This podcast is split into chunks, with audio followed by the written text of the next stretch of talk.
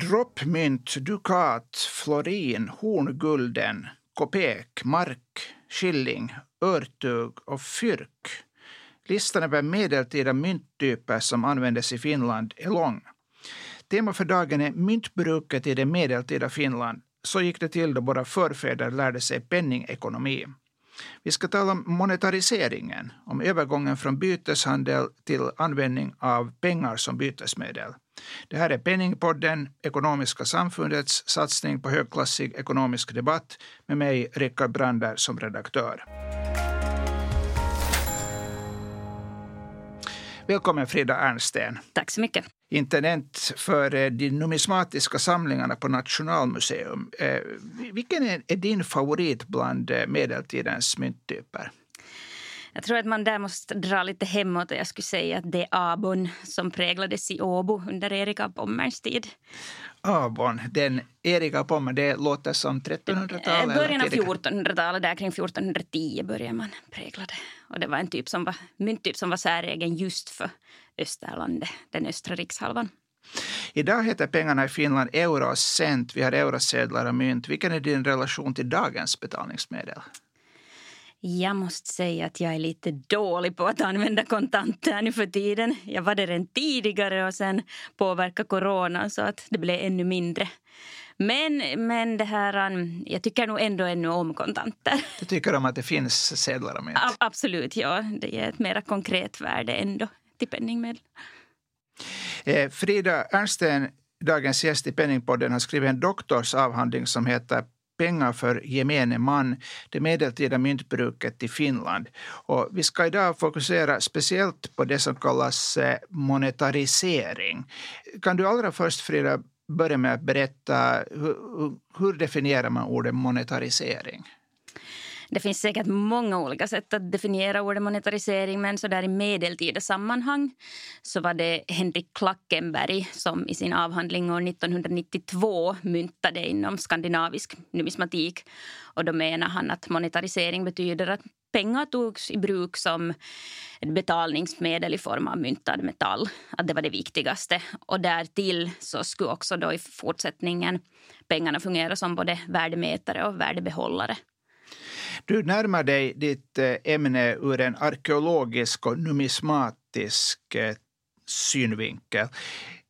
Kan du förklara varför intresserar du dig från första början för arkeologi och numismatik?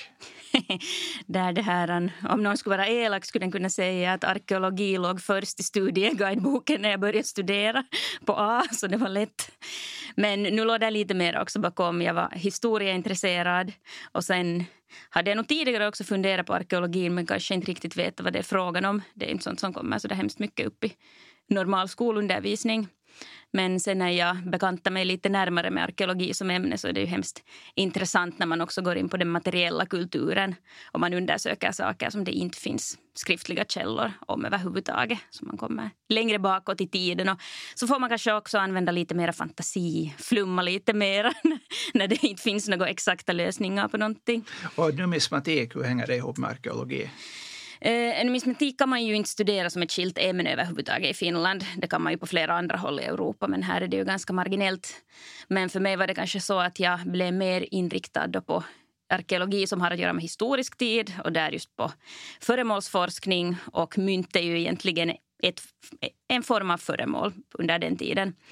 Så jag kom in på mynt och så råkade det sig så att de sökte museiassistent till, till Nationalmuseets numismatiska samlingar, det gamla myntkabinettet, dit jag sökte och också fick platser 2011. Du, du berättar i förordet på din avhandling så tackar du bland annat Tuukka Talvio som tidigare var intendent för de här de här samlingarna. Eh, var det, han är en av de som inspirerade dig för att eh, börja med den här forskningen? Absolut, jag Tuukka Talvio var chef för myntkabinettet när jag började jobba där och han har alltid understött mig i mina, mina studier och forskningar och så vidare. Så, så han, han är en stor figur där bakom. Låt oss tala om själva temat myntbruket före monetariseringen. Vad, vad betyder myntbruket före monetariseringen? Vi var redan lite in, inne på det, men hur närmar du dig det här ämnet i din avhandling? Eh, jag tar liksom ett par steg bakåt ännu från medeltida monetarisering och eh, går då kort igenom att man faktiskt ju också använde mynt här som föremål redan långt före monetariseringen under vikingatiden. För då cirkulerade också mynt här, men det var frågan om bara då myntad eller metall egentligen som hade ett silvervärde, för det var en viktekonomi. Och då kunde man ju använda mynt lite varifrån som helst. De vanligaste mynten i finska fyndmaterial är från eh, främre Asien, nuvarande Uzbekistan, Afghanistan, Iran och så vidare. Dirhemer, österländska. Och sen har vi också då tyska och anglosaxiska penningar till exempel. Och de här mynterna hade ju ett penningvärde i sina ursprungsområden. Men här då uppe i norr och också i östra Europa så baserar sig värdet helt på själva silvret. Så de användes inte för dagliga transaktioner? Visst kunde man använda dem också för dagliga transaktioner men då betalar man med silver. Så att om man till exempel ville ha någonting som inte var värt ett helt mynt på två gram så kunde man klippa myntet i tu och betala med ett gram silver. Så det var en viktig ekonomi. Ja, men vad betyder monetariseringen sen lite senare i, i medeltida sammanhang? Och kan du börja med att eh, ringa in de här århundradena? Att vad, vad, när börjar och slutar medeltiden så som du definierade? Jo, eh, för då, om vi igen hoppar lite bakåt där till vikingatiden så då talar vi om en tidsperiod här från ungefär 800 till 1100. Då cirkulerade mynt, men det var inte ännu frågan om mynt så där som betalningsmedel så som vi ser det idag. Sen i och med den svenska expansionen österut så kom ju så småningom också den svenska administrationen hitåt. Då talar vi kanske sådär från 1200-talet framåt. Och eh, då spred sig kyrkan hit och så småningom också kronans beskattning där 1200-1300-tal. Och så småningom också där, i och med det här, så brukar, brukar mynt så, så brukar mynt och den svenska expansionen österut sammanfalla tidsmässigt ungefär med varandra? De här gick helt hand i hand med varandra för det präglades ju inte mynt här på nuvarande finskt område utan det här var egentligen en förändring som helt kom uppifrån västerifrån då, från det svenska riket. I Sverige så hade det börjat präglats medeltida mynt på, i slutet av 1100-talet. Så ungefär samtidigt som alla de här andra stora samhällsförändringarna. Allt det här som du säger nu, är det, är det sånt som är lite föremål också för, för tolkningar och osäkerhet? Det finns inte skriftliga källor till exempel på det här? Eller, eller? Det finns nästan inga skriftliga källor bevarade. Helt sådana små enstaka omnämnande kan det finnas, men de är ju också så där att man inte kan tolka dem alltid helt direkt att eh, det står inte precis så att någonting är just så. Så allting är form för tolkning. Och där är egentligen medeltida mynt en jätteviktig eh, källa också till de här tidiga tidiga härskarna, kungarna på den tiden. För det var ju ofta, man myntar ju mynterna i det här, den här härskarens namn. Så ibland så kan det finnas, finnas såna personer som det inte finns så mycket andra källor om överhuvudtaget. Men så ser man att det finns mynt som har präglats under den tiden. Så man kan komma in på de här själva personerna via mynten också. Och det här gäller väl om vi då tar ett steg tillbaka till vikingatidens så antar jag att det gäller ännu mer för vikingatiden. Att, att där, har vi, eh, där är mynten mm, en av de ytterst få såna arkeologiska fynden som vi kan lära oss någonting av. Ja, där när vi talar om vår förhistoriska period, det som nu i resten av Europa den var medeltid, men här talar vi om förhistoria och vikingatid, så då har vi ju inga skriftliga källor överhuvudtaget, så det enda som vi har att gå på är de här fynden, det som hittas. Och det är hemskt intressant för det utökas hela tiden det här materialet. Nu för tiden så hittas det ungefär kanske hundratal vikingatida mynt per år i Finland, nya. Så det här är också sånt som kan leda till nya tolkningar hela tiden. Det, det, är väldigt, väldigt intressant att bläddra och läsa din avhandling som, från 2019 för att eh, just när du berättar om eh, eh, hur de här metalldetektorerna, när de har utvecklats, så det liksom blir en hobby att man söker mynt på åkrar och fält och ute i skogen och, och, och överallt. Är det, är, det, är det här någonting som bidrar till att öka vår förståelse för den här tidiga medeltiden?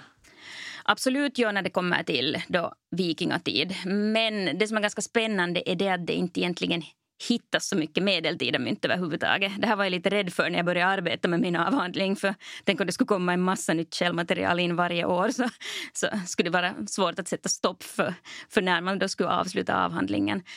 Men det intressanta med just medeltiden är den att det verkar som så att mynt hittas inom ganska specifika miljöer på vissa särskilda ställen. Men att myntbruket kanske inte på samma sätt har varit så utbrett som då tidigare, också under senare perioder.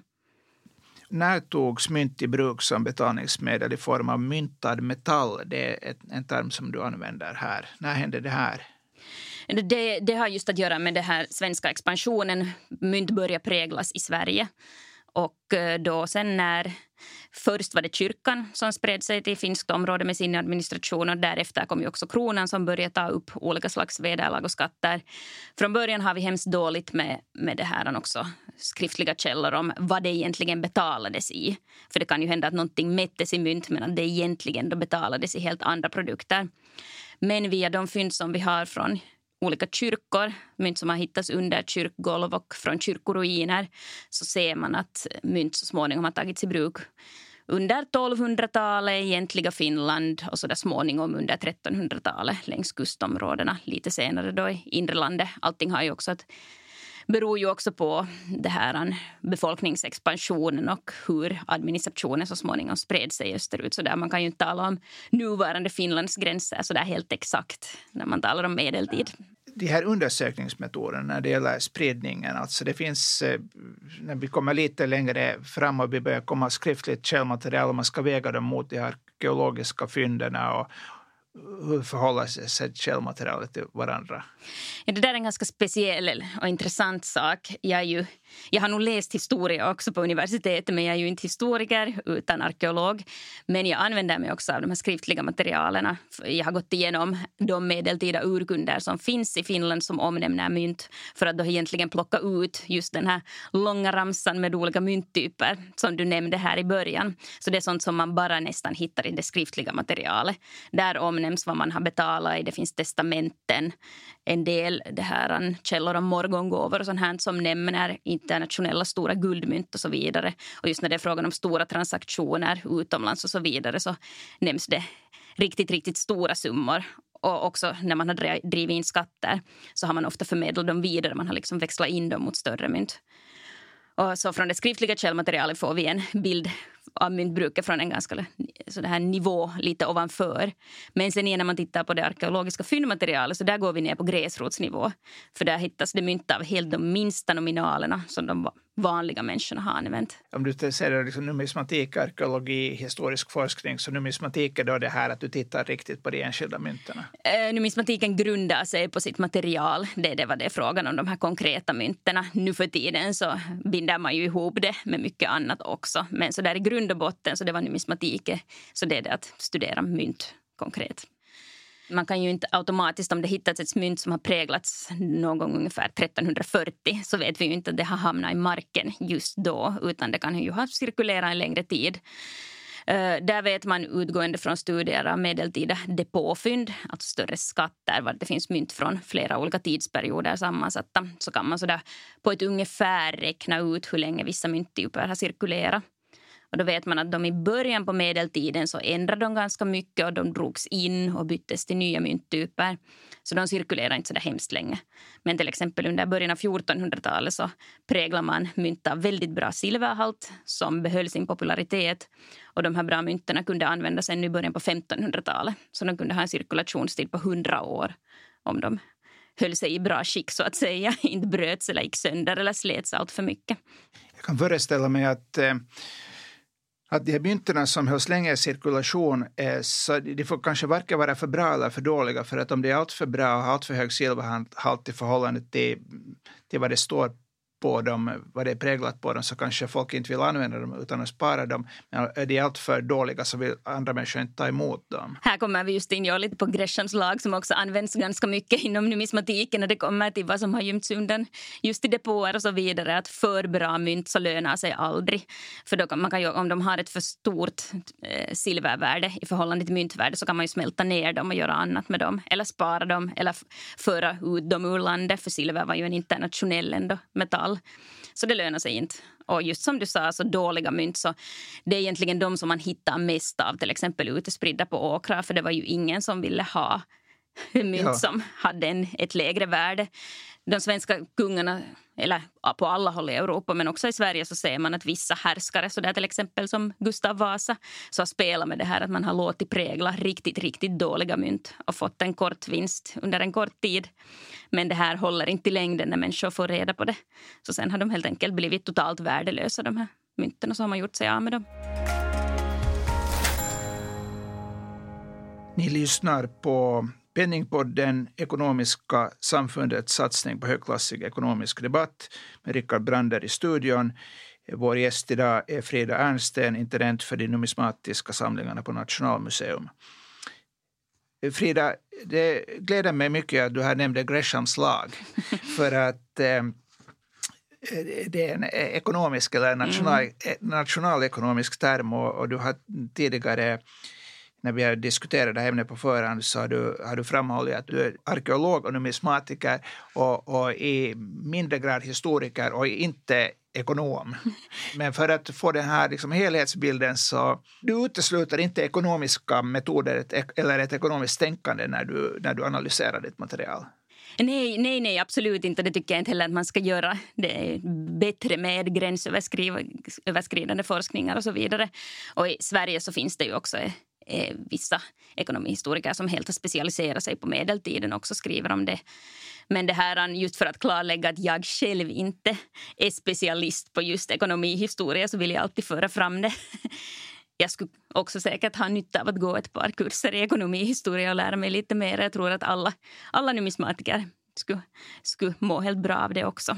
Och vice versa också om infallsvinkeln är arkeologisk och numismatisk så, så är det ju liksom ett bidrag till förståelsen också av de här ekonomiska processerna som hände, hände på den tiden. Ja, där tror jag just att ett samarbete, att man skulle få ihop en studie till exempel, var man då kan kombinera sånt här material också med mera långtgående ekonomiska teorier och så vidare, så skulle kunna vara ganska intressant att, att få en mer mångsidig bild igen av det hela. Om vi vill se hur människor på riktigt levde och hurdant liv de hade på medeltiden eller, eller för 100, 200, 300 år sedan. Så att om vi studerar just eh, hur man eh, handla med varandra, vad man använde för eh, pengar, hurdana plånböcker man mm. hade, hur man gav växelpengar, vad gjorde man om det var brist på pengar, i vilka skeden använde man trots allt byteshandel. Det känns liksom jätteintressant för att förstå vad som hände förr i tiden. Ja, nu, nu talar vi medeltid, men det här är ju sådana trender som pågår långt eh, eh mera framåt också i historien. När man talar 1500, 1600, 1700, 1800-talen nu också så var det ju alltid eh, under vissa tider så användes det mera i en andra värdeören och produkter det beror ju också på, alltid på hur tillgång det har funnits till mynt och så vidare. Att allt sånt här avspeglas genast i det konkreta myntbruket. Och det ser man också tidvis under medeltiden att, att det berodde hemskt mycket på hur mycket silver som fanns att tillgå i Europa och hur mycket som präglades och vad då sen som kunde användas och så vidare. Att man måste ju man måste helt enkelt lämpa sig efter det som fanns att tillgå.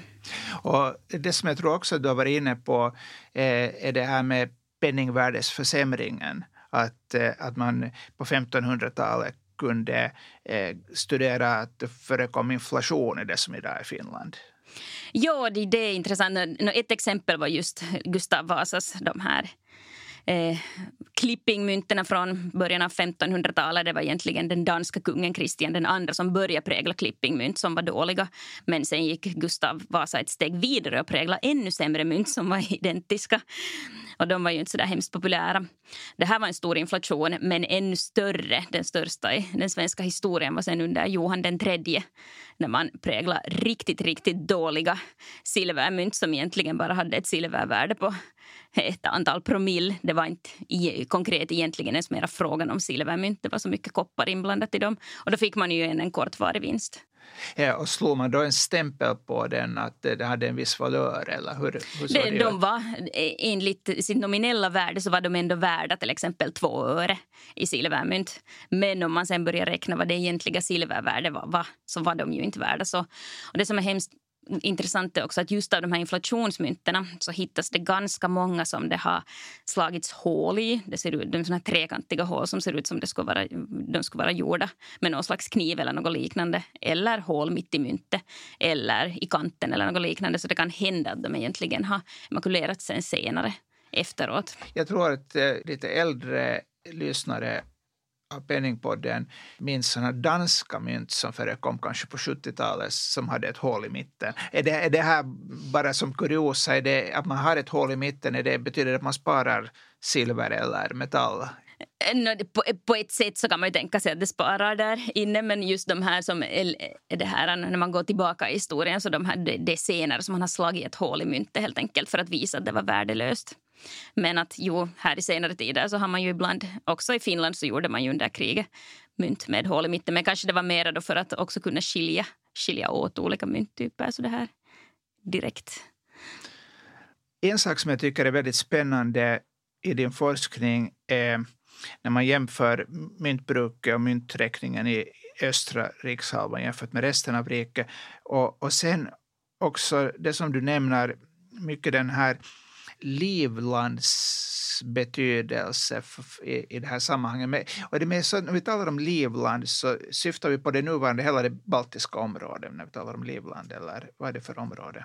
Eh, nästan hela det, de områdena som den livländska orden då hade kontroll över. Så det, det blir egentligen nuvarande Lettland och Estland som mest ligger under det men det här, um, eh, det var ju så att det var det svenska mynt som togs i bruk här och Österland var en del av Sverige.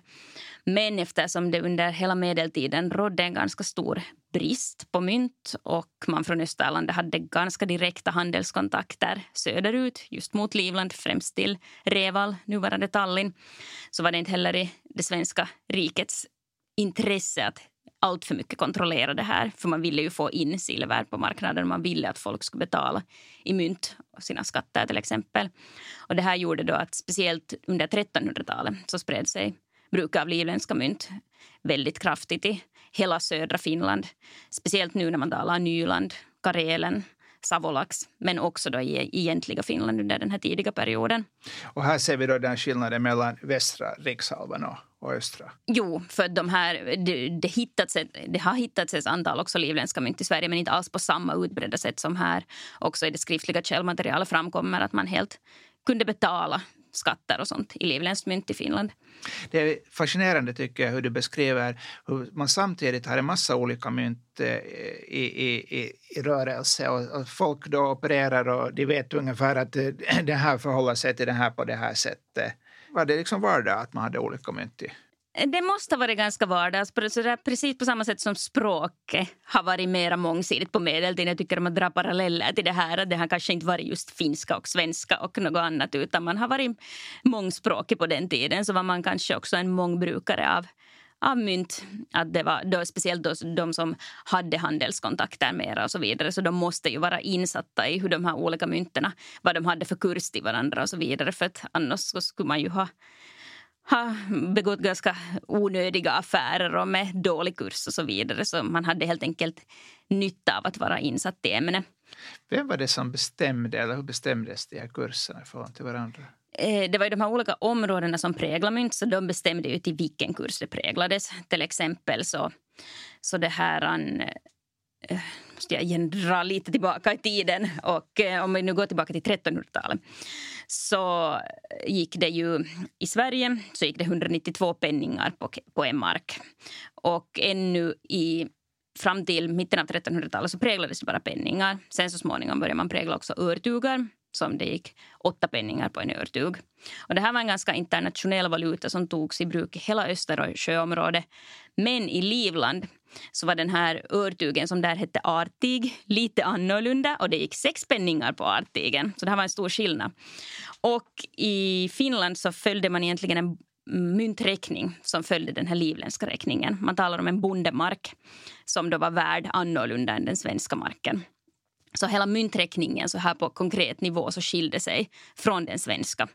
Den här bondemarken så hade 144 penningar på marken medan den svenska marken hade 192 penningar på marken. Och det här var ju också någonting som man måste vara insatt i när man då räknar och betalar. Man måste veta vilken mark man använde det här blir ganska så här komplicerat med, i korthet berättat. Jag har din avhandling här framför mig och den är väldigt spännande. Jag rekommenderar den här. Vi ska sätta ut den på, på Ekonomiska samfundets hemsida. Jag tror att det finns en länk till den här eh, versionen som, som ligger på, på nätet. Också. Den finns ju i digital form på nätet. Är det, är det, digital form så här finns på 385 så finns en en bilaga just med de här olika medeltida mynttyperna. Du berättade här till en början att din egen favorit var Abo, silvermynt präglat i Åbo under Erika Pommern. Abons värde var till en början sex penningar varefter det sänktes till fyra penningar. Där måste jag säga att vi har just kommit ut med en ny bok om myntpräglingen i Åbo. Den utkom här för en månad sen. Och där så har Yrjö Hyötyniemi gått in på Abon lite mera och han argumenterar för att den nog egentligen var värd sex penningar hela tiden men den inom beskattningen sänktes till fyra penningar. Så på det här sättet spelar man också med värden under medeltiden för att kanske få in vi gör den här inspelningen nu i slutet på november 2022. Så när Frida Ernsten talade om för en månad sedan så den här boken kom alltså ut i oktober. Oktober, 20, ja det var Åbo museicentral som utgav den här som boken. Gav ut den, den, den ja. är både på finska och på svenska. Medeltida myntprägling på Åbo slott räkna upp en, en del av de här mynterna. Men det är alltså artig talar du om till exempel silvermynt som togs i bruk i Livland på 1360-talet. Artigen vägde drygt ett gram och motsvarade tre lybska penningar. Vad var, vad var lybska penningar för någonting? Det var eh, penningar från Lübeck men det här, de livländska penningarna följde till en början samma samma vikt. Och det här var det som just eh, gällde för hela Öster, Östersjöområdet under medeltiden. Man försökte skapa valutor som var någorlunda jämförbara med varandra. För det här främjar ju handel och det var ett, ett stort, eh, eller en, en stor det här, en fördel för penningekonomi att man direkt kunde jämföra värden. Och då fast mynten var lite annorlunda så ville man ju gärna ha mynt som var direkt just gick att räkna om kurserna och så vidare. Och det här, då hade vi just den svenska örtugen. Samtidigt så togs det i Livland i bruken artig som var av nästan samma storlek och så där, men så kunde ju de här olika länderna bestämma att sätta lite olika värden också på mynten. Att den svenska Svenska kronan gav sen en lite underkurs på de här livländska artigarna för att de inte skulle bli värda mer än de svenska mynten. Artig var Livland och Örtug var Sverige. Och sen hade vi i till exempel Tyskland och i Danmark så det var, en lite min, det var ett lite mindre mynt på fyra penningar. I Danmark hette det här fyrapenningsmyntet vid, som betyder vit, för det var ett silver vitmynt. Att de, var, de var lite olika de här mynten men de gick att, gick att det här jämföra ändå med varandra. Eh, ännu några ord om fyrk. För att eh, fyrk, eh, fyrk, Adonov fyrk, det är liksom... eh, det hör man kanske fortfarande. Och, och här står att det är en benämning på halvörtugen från och med början av 1500-talet. Hur eh, förtrogen är du med fyrk? Eh, det här fyrk det kommer från fyra penningar. Örtugen var värd åtta penningar och halvörtugen var värd fyra penningar. Så där kommer fyrken som då så det här togs i bruk. Det ska vi försöka lära oss. Låt oss gå vidare ännu. Ni lyssnar på Penningpodden med mig, Rickard Brander i studion. Gäst idag Frida Ernsten, intendent för de numismatiska samlingarna på Nationalmuseum. Kan du ännu berätta om eh, de här numismatiska samlingarna på Nationalmuseum? Hurdana samlingar har ni? Vi har stora samlingar. Vår samling uppgår till ungefär 250 000 mynt, medaljer och hederstecken. Eh, största delen så är då mynt. Och eh, de här samlingarna går tillbaka till 1700-talet. Det var Åbo akademi som i tiderna hade en egen myntsamling. Det hörde till alla bildade bra bibliotek på 1700-talet att ha en myntsamling.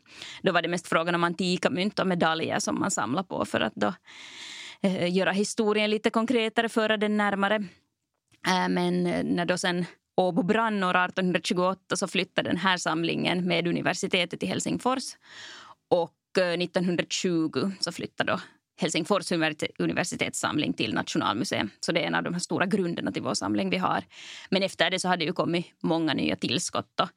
Till exempel myntfynd från olika perioder har tidigare löst in just i de numismatiska samlingarna.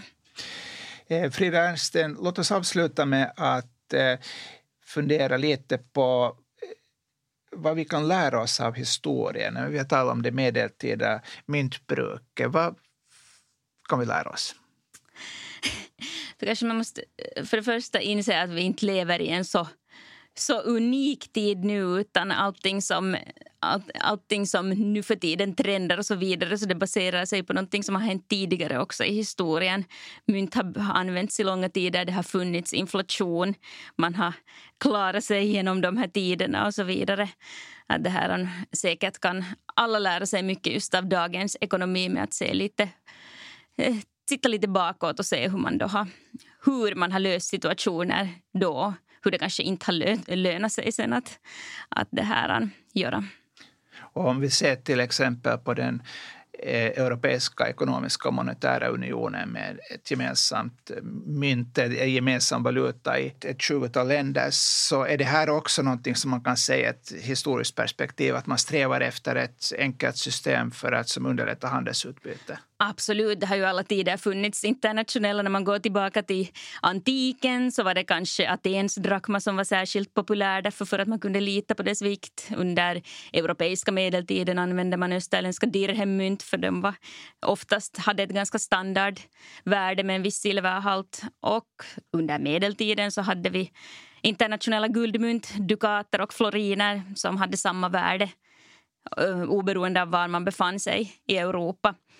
Och sen lite senare så kom ju dalermynterna ordet dollar nu för tiden så det kommer ju från 1500-talets dalermynt som senare används, användes runt om i hela Europa och hade ungefär samma vikt. Så de var direkt jämförbara oberoende av om en daler var präglad någonstans i Tyskland, i Nederländerna eller i Sverige.